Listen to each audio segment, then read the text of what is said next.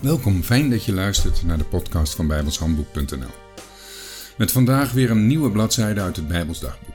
Iedere dag een korte overdenking met als doel je geloof op te bouwen en te versterken. De muziek bij deze podcast is geschreven en uitgevoerd door Jack Andrew. Het is vandaag 12 februari en ik wil beginnen met het lezen van Ezekiel 37, vers 9 waar staat: En hij zeide tot mij: Profeteer tot de geest. Profeteer, mensenkind, en zeg tot de geest: Zo zegt de Heere, Heere: Gij geest komt aan van de vier winden en blaas in deze gedoden, opdat zij levend worden. Hier wordt dus duidelijk aangegeven dat het initiatief tot overgave niet van Israël, maar van God uitgaat.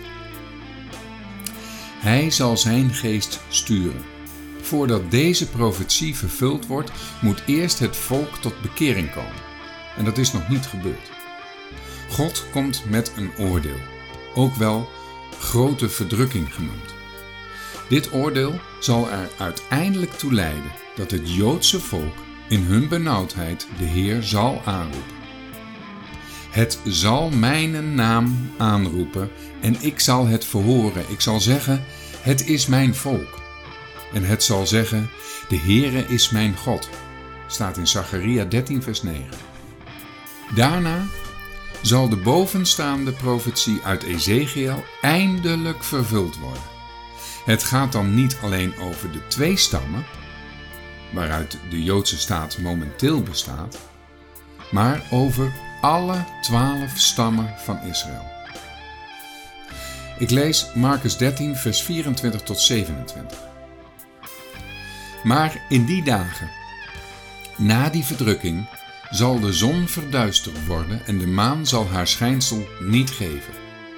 En de sterren des hemels zullen daaruit vallen en de krachten die in de hemelen zijn, zullen bewogen worden. En als dan zullen zij de zoon des mensen zien komende in de wolken met grote kracht en heerlijkheid.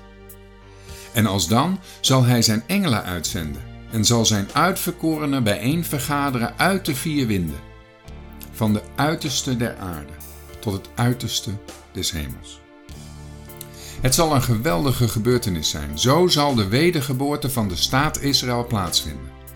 De geest zal komen in de verstrooide Israëlieten over de gehele aarde en van daaruit zullen ze verzameld worden om een levend lichaam te worden in het beloofde land. you